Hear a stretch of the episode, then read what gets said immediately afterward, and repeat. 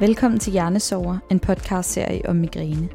I den her podcast vil vi forsøge at skabe et opmuntrende rum fyldt med ærlig snak, inspiration og forskellige guides.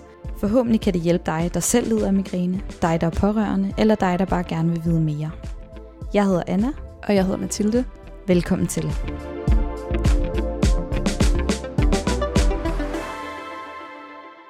I dag skal vi tale med en helt særlig person, der har levet med migræne i snart 30 år, men som på trods af det har skabt sig et liv, en familie og en karriere, og endda med et CV lidt længere end de fleste.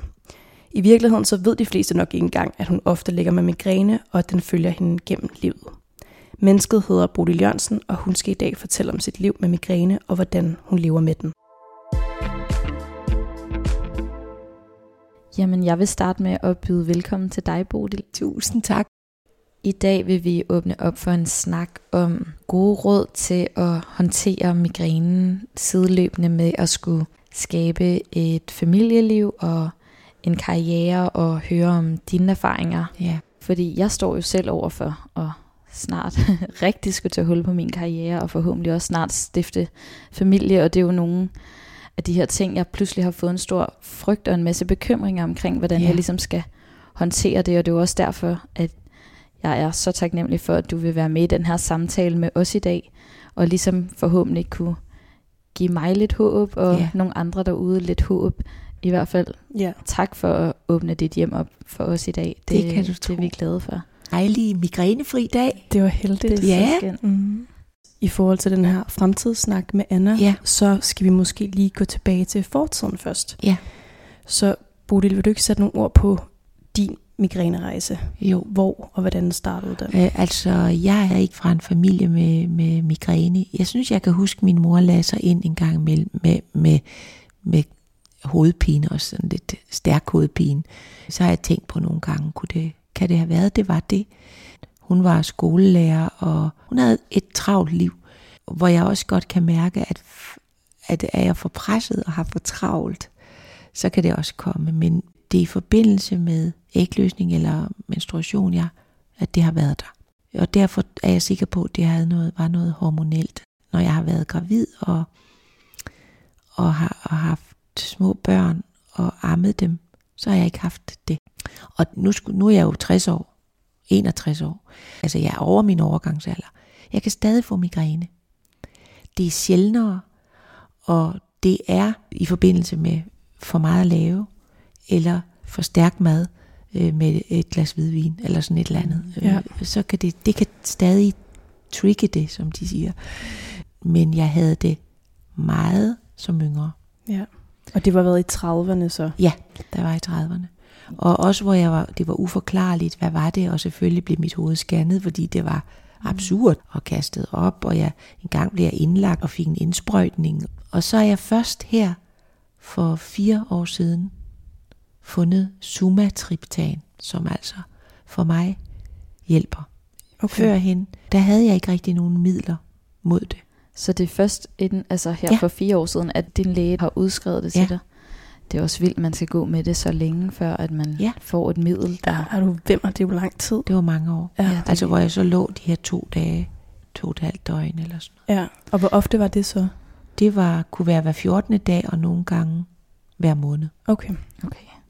Jeg bliver sådan lidt nysgerrig på, kan du huske sådan de første år, du havde migræne, sådan, hvordan du havde det, og det her med, at du sådan pludselig fik den her diagnose, og Ja. alt sådan noget, hvordan det påvirkede dit liv? Jamen, jeg tænkte jo selvfølgelig, fordi jeg har et arbejde, hvor jeg skal træde frem og træde op og vise mit ansigt. Og, men jeg kunne have nogle spande stående ude i hver side af scenen, og så kunne jeg løbe ud og kaste op, og så ind og spille. Sådan, ja, det kunne jeg godt. For jeg spillede. Jeg aflyste ikke på grund af migræne. Nej. Og der sker jo noget sjovt med det, fordi det at optræde er, er, kommer der jo sådan noget, øh, der kommer jo adrenalin i spil. Og, og jeg tror, at adrenalin er også en form for medicin, fordi jeg kan næsten, når jeg så står på scenen, så, så er det som om, det også er væk. Så kan det komme tifold tilbage, når jeg så øh, giver, giver plads og, og los øh, efter. Men hvordan har det ellers været i forhold til sådan kollegaer og ligesom i tale det her med migræne, og har der været en forståelse for det, og hvordan, hvordan har det været? Øhm, altså, det er jo meget empatiske mennesker. Andre, altså skuespillere, de synes, det er synd, når jeg skal ind og spille altså med, med, med bullerne, migræner. Der. Og man kan også se det på mig, altså det der, det er en ene side hænger nærmest, ikke, når jeg har haft det anfald. Og så kan jeg jo spille mig fra en masse, for jeg er jo skuespiller, men, øh, men jeg synes, de har været utrolig gode. Mm. Altså, selvfølgelig er direktøren glad for, at jeg ikke aflyser, Ja. fordi det er noget, der koster knapper, som det hedder, ikke at lave sådan en aflysning. Øh, Så der har også været meget velvilje. Og så i prøveforløbet, der kan, der kan man godt blive hjemme Okay. sådan en hel dag med prøver. Det, kan, det, kan jeg, det har jeg nogle gange slet ikke, det har jeg ikke kunnet. Men hvis jeg så kan ligge en dag og spille om aftenen, det, det kan godt lade sig gøre. Ikke? Men mm. de der lange prøver med migræne, det, det, var, det var for svært nogle gange. okay.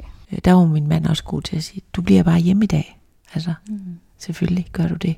Det er nogle gange rart, at andre Ja, og det er jo kun teater. Altså, Ja.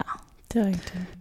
Har du været god til sådan at tale både med din mand og med dine børn om migrænen? Har du lavet har en fylde på den måde? ja, jeg har, jeg har været god til at tale om det. Jeg har også været god til at rejse mig, når jeg så havde en pause i det, og gå med ud og sige, at jeg vil gå med til stranden. Det kan være, at jeg går tidligere hjem. Eller... Mm. Og så har jeg altid været sådan en, der aldrig lukker døren ind til soveværelset. Jeg lader den stå, så alle kan komme ind og ud. Jeg ved ikke, en lukket dør, det er, det er ret voldsomt for et barn, for Ja. eksempel. Ja, det tror jeg faktisk, du har helt ret Det er i. et meget godt råd egentlig, eller sådan det her med, at jeg kunne forestille mig, at det pludselig bliver meget mystisk, hvis man ligger Ja. bag en lukket dør. I og at mørket. nogen, ja, Og, og, at og man, voldsomt og Det, det kan jeg også, selv huske, Ja. da jeg var barn. Det, Ja. Hvis min mor lukkede døren, så det kunne jeg ikke lide. Nej. Det er også sådan lidt uvelkommen. Ja. Ikke? Altså, Og, og, og på den måde, så er man bare, jeg ligger bare lige herover. Mm. Ikke? Ja. Men det er egentlig også ret fint i forhold til, at det lyder som om, du har været god til at i talesætte det. Ja. Men at det med en åben dør for små børn også er at vise det. Ja. Så det ikke bare er at sætte ord på det, Det er men rigtigt. måske også sådan, ja, at vise walk dem. the walk. Ja, Ja. helt sikkert. Og jeg er en del af, af jer, og en del af familien, og jeg, er- jeg er heldig bare lige her. Nå. Ja. Øh, sådan, sådan har det i hvert fald. Og så kunne de komme ind og lægge sig op, eller hvad de, ja. når de var små. Der er jo ikke noget som børn, der kan komme og holde en i hånden, eller lægge en øh, kold klude på panden, eller øh, komme bare ind og lægge sig ved siden af, fordi det er hyggeligt. Men de, de var også med på, at det gør altså ondt, det der. Det er også noget med at sige, at det bare, jeg er bare lige på en pause lige Ja. nu. Det er ikke sådan, at jeg melder mig ud af familien, eller jeg Nej, har og så vi kan sove middagssøvn ja, sammen. Og lige præcis. alt det der. Det tror jeg faktisk er meget godt, sådan en konkret råd. Lad være med at lukke døren. Ja. Altså lad det blive en del af Ja. livet. Og det har de været gode til også at tage imod. Ikke sådan lide på mine. Altså, Mm. nej, det, det, Ja, for det kan jo være hårdt for børn at Ja. se en af deres forældre Klart. ligge og have det Mm, dårligt. ja. Det kan jeg forestille mig. Og hvordan, altså, nu Det- siger du, de ikke har lidt med dig, men hvordan har du haft det i det? Ja, men det har det er klart, at det har ikke været rart, hvis jeg ikke kunne tage med dem til et stævne, eller øh, Er du blevet vred i de situationer? ja, og græ, ja, man græder også, synes jeg, når jeg har haft migræne. Sådan. Selvfølgelig er der øh, ting, hvor man heller ikke kan melde sig ud. Altså, Mm. hvis de har haft det dårligt, eller Mm. slået sig, eller sådan Ja. noget. Og så man tager jeg, har, man, har jeg taget mig sammen. Mm. Ikke? Ja, lidt ligesom man, du kan, når du går på scenen. Lidt det ligesom her med sådan, Fuldstændig. så, øh, og så, så ved man jeg- godt, det nok kommer. Det kommer, ja. Fuld brag bagefter. Ja. Jeg tror i hvert fald, det er noget af det, jeg også nogle gange selv har mange spekulationer omkring i forhold til det her med at skulle sætte børn til verden. Ja. Om jeg vil føle, at jeg sådan svigter dem, eller fejler, eller ikke kan leve op til den ideelle morrolle på en eller anden måde, fordi jeg også ved, at jeg kommer til at have dage i sengen. Ja. Hvordan har du sådan... Jeg vil sige, med man skal det? aldrig lade sådan noget øh, styre ens liv. Altså, jeg fik jo rimor, der var 47 år, Mm. og der kunne jeg jo også have sagt, at det er for sent, eller øh, jeg kan jeg klare det op med migræne. Og så kom der jo pludselig en ulykke ind over, mm. Øh, traktorulykken, og Ja. øh, altså, man kan alligevel ikke sige noget. Nej. Øh, og du kan også være, at du får det bedre, ja. øh, for børn. Altså, øh, så derfor Man kan ikke tænke sig til det Nej. rigtigt. Og det er jo deres mor. Ja. Jeg var jo deres mor med, det, med alt det, øh, jeg havde. Jeg havde måske mine, mine opdage, de var måske 10 gange bedre end andres opdage, Ja. fordi det var så lykkeligt, ikke? Ja, sådan i det store hele, så går det hele måske op i sidste ende. Altså sådan, at Ja, de ikke sådan... Og vi ender, hvor vi skal. Ja. Vi er jo uerstattelige alle sammen. Mm. Der er ikke nogen, der kan erstattes af nogen andre. Mm. Og på den måde er vi med alt det, vi nu får i øh, bagagen, som det hedder, eller rygsækken, øh, der er vi jo dem, vi er. Og måske har jeg også lært øh, dem noget om smerte, om Mm. at komme igen, om, om empati, Ja. øh, føle for nogen, øh, mærke, hvordan andre har det, og sådan. Klart. Så der også ligger en lille gave i det måske. Det gør der. Ja. Det, det, det gør der. Ja. Det kan jeg jo se på dem i dag. Ja. Det er jo, Ja. ja, de er gode til at, at mærke. Wow. Øh, Det tror jeg på. Ja. Altså, det er jo også noget, man lærer ved at vise det, og ikke kun fortælle det. lige præcis. Jeg tror jo, at nogle af de mest taknemmelige mennesker i verden, det er folk med migræne. Fordi at der er altså et eller andet med at sætte pris på, at man kan stå op af sengen, og man kan kigge ud af vinduet, Ja. og der dufter godt. Og man tænker, nej, står solen op yes. igen i dag. Tænk, den orker. Mm. Går den ned igen? Og det, det er rigtigt, derfor jeg er sådan, det bliver jeg også meget berørt af. Mm. Apropos det her med taknemmelighed, i går var jeg på arbejde og fik migræne og måtte cykle hjem og lå så i sengen hele eftermiddagen og kunne ingenting. Og så ude på aftenen, synes jeg sådan, jeg det begyndte at lette. Ja, Og det var inden solen var gået ned, så jeg endte med at ville gå ned og handle. Og satte mig bare på en bænk i solen. Og sad jeg bare et kvarter sådan med lukkede øjne og solbriller på, for lige at skærme Ja. lidt. Og så sad jeg bare der sådan og blev varmet lidt af solen helt for mig selv. Og så tænkte jeg bare sådan, altså det var bare så dejligt. Ja. Og så tænkte jeg, det ville jeg bare normalt ikke gøre. For så Nej. ville jeg have så travlt fra det ene til det andet. Ja. Og nu sad jeg bare lige der og sådan trak vejret.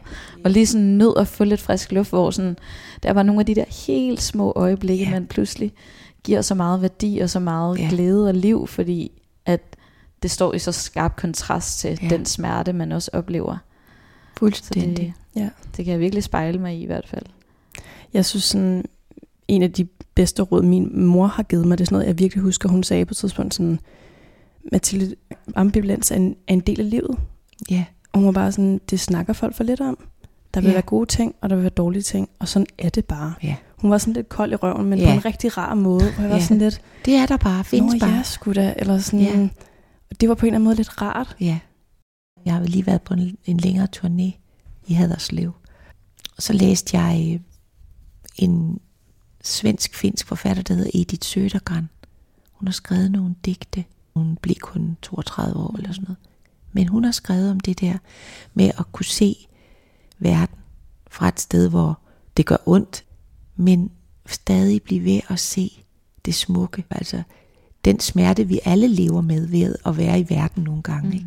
Altså eksistensens hårde vilkår, den er bare lidt hårdere en gang imellem med migrænen, men, men det der, at livet så rækker en hånden og, og byder en op til en ny dans, det, det er så rørende. Altså for mig er det sådan, uh, wow, jeg synes det er gribende, at, at livet vil en. Ikke? Ja, at det sådan bliver lidt livsbekræftende i noget, Ja. der måske egentlig er så frustrerende Ja, og magtesløst. ja, Det synes jeg er en meget smuk måde at se det på, faktisk. ja. Mm. Og man glemmer det jo heldigvis fra gang til gang. Mm. det er jo også noget fantastisk ved, ved os mennesker, at vi kan det, altså at, at livet alligevel trækker mere i os, end tanken om, åh oh, nej, skal jeg nu havne dernede i det hul igen? Altså man, jeg flyver næsten øh, hver dag, altså så lander man tungt en gang imellem, og, og, og må krybe ind i mørket, men det er utroligt, at man har den der evne til at glemme det på en eller anden måde. Det er lidt måske ligesom at flytte og føde. Ja. Altså, Ja. ellers så vil man aldrig gøre det igen, for det Nej. er så frygteligt. Ja, flytte. Ja. Jeg kan nogle gange blive overvældet, eller overrasket nok nærmere, over netop, hvor voldsomt det er, og at jeg kan have glemt det selv, om det er tre dage siden, jeg havde det sidste migræneanfald. Ja. Det, det er virkelig rigtigt, det du siger med, så er det som om, så lukker kroppen ligesom ned for det, og så sådan giver Ja. en noget fornyet energi. Og der, der skylder man den jo også, og både kroppen og ens tankeevne, at nyde det. Mm. Altså, at det så go- er godt, og man kan. opfange alt igen, og være til stede, og alt det der. Og, og så kan man undre sig, og det gør jeg hver gang, jeg får det, og tænker, hvad er det mund, der kan give den infame smerte i hovedet? Altså, hvad er det dog? Og, og så tænker man, at det der med, hvorfor lige mig, mm. det skal man egentlig afstå fra, fordi altså de der tilfældigheder, dem må man ikke anklage sig selv for. Ja, det er ikke en straf eller noget, der er sket det er det. intentionelt mod en. Det er bare Nej. noget, der er ramt. Det samme med folk, der bliver ramt af kræft, eller Parkinson, eller sklerose, eller det der at gå og bebrejde en selv, så er man heller ikke klar, når livet byder, byder op igen. Og der er ingen mening, og derfor skal man ikke lede efter den, i hvert fald ikke i, i sig selv, fordi mm. det er alt for, for hårdt, og for hårdt ved, ved livet. Mm. Klart. Jeg tror, der er så mange med kroniske smerter, der fuldstændig kan genkende sig selv og sine egne tanker i det, du siger nu. Altså også folk, mm. som du også selv siger, der lider alt muligt andet. Ikke? Ja, altså, præcis. Det er meget nemt at komme til at tænke, hvorfor sker det her for mig? Ja. Mm. Vi har talt ret meget om, at, sådan, at både jeg og mange andre migræneramte føler, at migræne er så meget mere end bare smerter. Ja for mit eget vedkommende har det også til dels været meget sorg forbundet med det, fordi ja. der er en masse tristhed og sorg. Ja, ja, vigtige ting, jeg har på en eller anden måde måtte forlige mig med ja. og skulle give afkald på. Og det skal man jo bare nogle gange gennem ja. livet, men så godt nok i en periode har det bare været mange ting ja. oven i hinanden, og det, det er ligesom også noget, man så oven i hatten ja. skal finde en eller anden ro i at forlige sig med. Ja. Og finde en anden Og måske måde. finde en anden måde, ja. Altså, ja og, og, og, og, og man skal også bare tænke, at ens migrænehistorie er jo ikke, den forandrer sig hele tiden. Altså det, mm. det er ikke sådan, at du skal have det på den her måde. Resten af det, det vil komme til at ændre sig. Mm. Altså min har ændret sig. Ja. Altså det er ikke den samme historie hele tiden. Nej. Jeg kender også en pige, der har det virkelig voldsomt. Hendes historie har også ændret sig, både for hende og hendes mand og hendes hunde.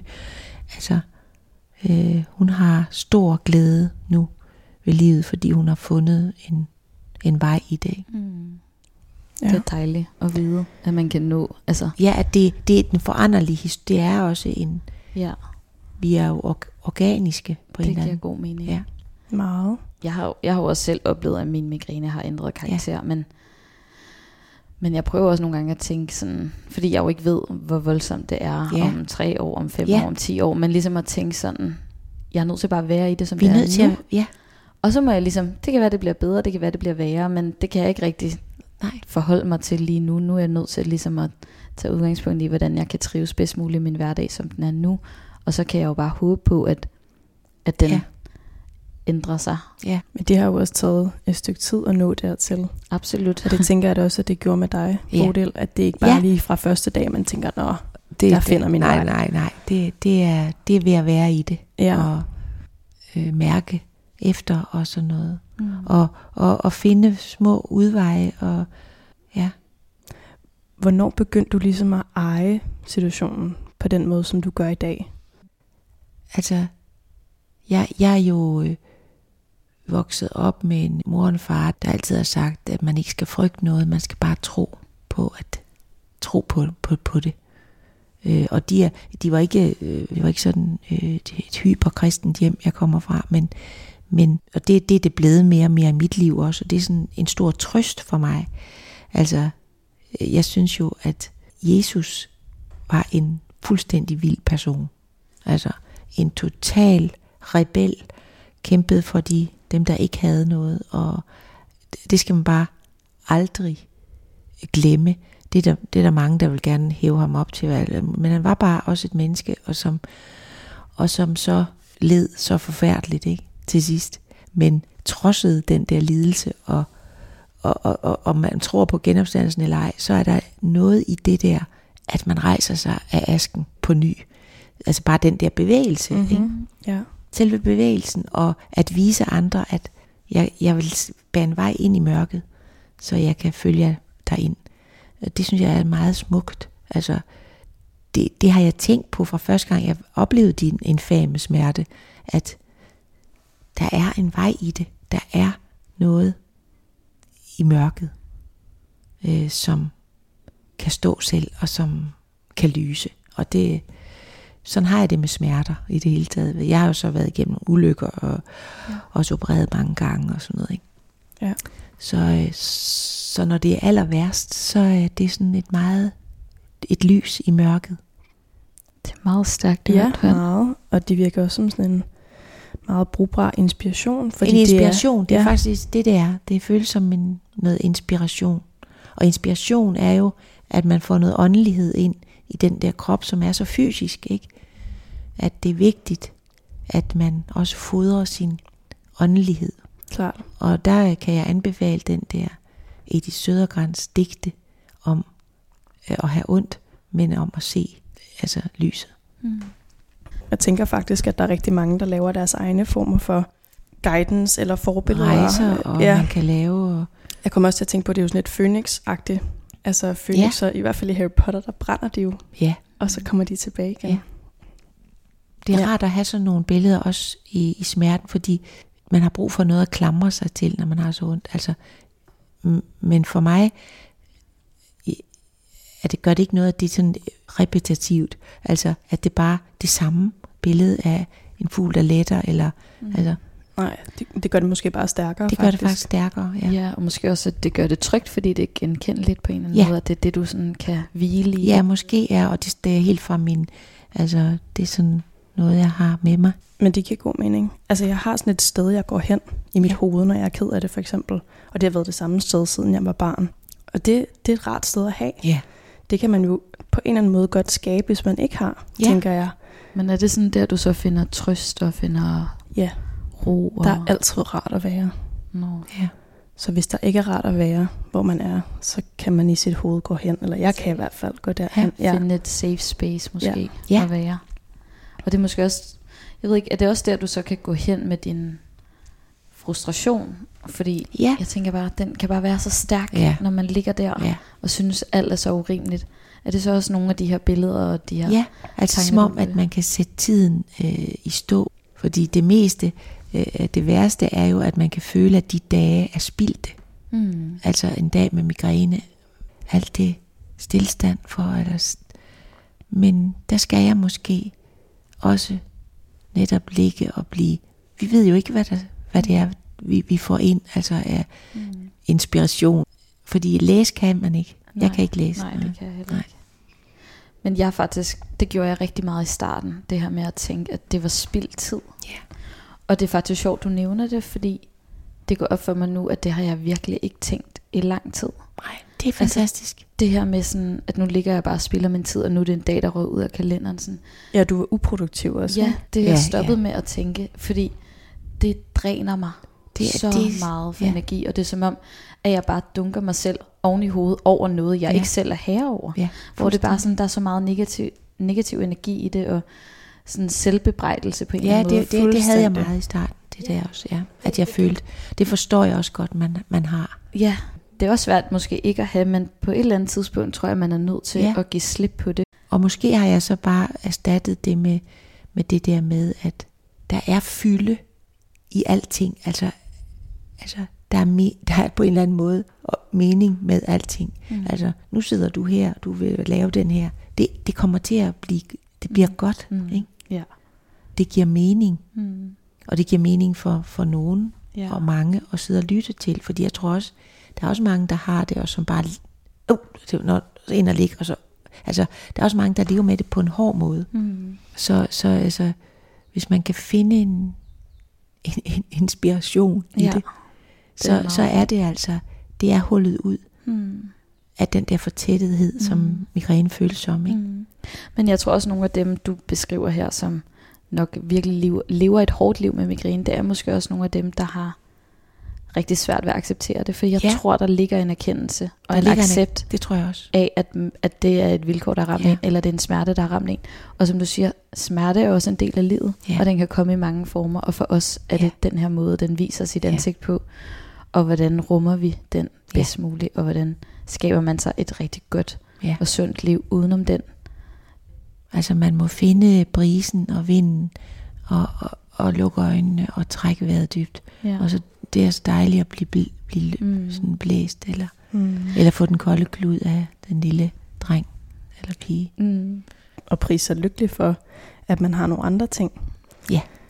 Ja, Tænker de, jeg. de står ofte øh, tydeligere frem i hvert fald. Ja. Ja. Jeg har også selv her for nylig begyndt at tænke meget. Altså jeg har ofte været meget frustreret, når jeg så fik et anfald, om jeg var på arbejde eller sammen med nogle veninder eller noget, hvor jeg var nødt til at Gå- sige fra ja. ja. eller gå hjem. Der har jeg været enormt frustreret over, at jeg var nødt til det. Og det er jeg jo selvfølgelig stadig, men hver gang jeg aflyser noget, der er jeg begyndt at tænke, Anna, lige nu gør du noget rigtig godt for din krop. Ja. Du gør noget meget, meget selvkærligt Ja. lige nu. Du trumfer ikke igennem. Nej, Du trodser ikke smerten. Du, lige nu giver du bare dig selv et varmt Ja. kram på en eller anden Ja. måde. Og det, det finder jeg også en ro i, fordi så føler jeg lige pludselig, at jeg gør noget godt, i stedet for den her tanke med hele tiden at dunke mig selv oven Ja. i hovedet over alt det, jeg nu ikke når, og alle de her ja. ting. Og ligesom ændre mit billede af, hvordan jeg Ja. er i det, og passer på mig selv på en måde. Ja. Det, det har hjulpet mig, tror jeg, det, meget. det, er også, det tror jeg også. Altså også fordi, man kan også fylde sit liv med alt muligt, som ikke giver, altså som er uden mening. Mm. Ikke? Jo. Folk, der bare fiser fra det ene til det andet. Altså, men det er godt at kunne trække sig. Altså det, det, det er også derfor, jeg, jeg anbefaler den der bog, Edith Mm. Sødergran. De digte. Jamen altså, hendes liv gav jo ingen mening på den måde. Hun, hun, hun lå på øh, sådan et sanatorium i lang, lang tid, men hun skrev, så verden aldrig glemmer det. Hun skrev altså noget om livets aller, aller inderste, vigtigste ting. Vi kan jo have med uvigtige ting at gøre hele tiden, altså det, men at have med det vigtige at gøre, det er også nogen, det er også nogen, der skal, ikke? Den, den, den må jeg læse. Den må du Ja. læse. Men det er bare også meget fint, at hun ligesom fandt ind til det allervigtigste, Ja. som blev født ud af smerten. Ja. Og det er måske i virkeligheden der, man finder den, for du kan ikke se den, hvis, hvis du er omringet af ting, som er ligegyldige eller overfladiske, eller som, som måske bare er en del af det, du Ja. tænkte, du skulle. At man finder kernen ved Ja. at fratage alt andet. Ikke? Det er, det er der en mening i i hvert fald. Det giver god mening, synes jeg. Mm. Bodil, tusind tak for at dele din historie med os her i dag. Jeg har i hvert fald fået rigtig meget ud af det. Huni! Nå.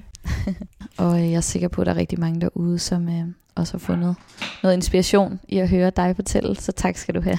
Ja, Selv tak. Nu er vi snart ved at være ved vejs ende i denne omgang af Hjernesover, men vi skal selvfølgelig lige have fulgt op på alle de spørgsmål, I har sendt til os gennem de seneste uger.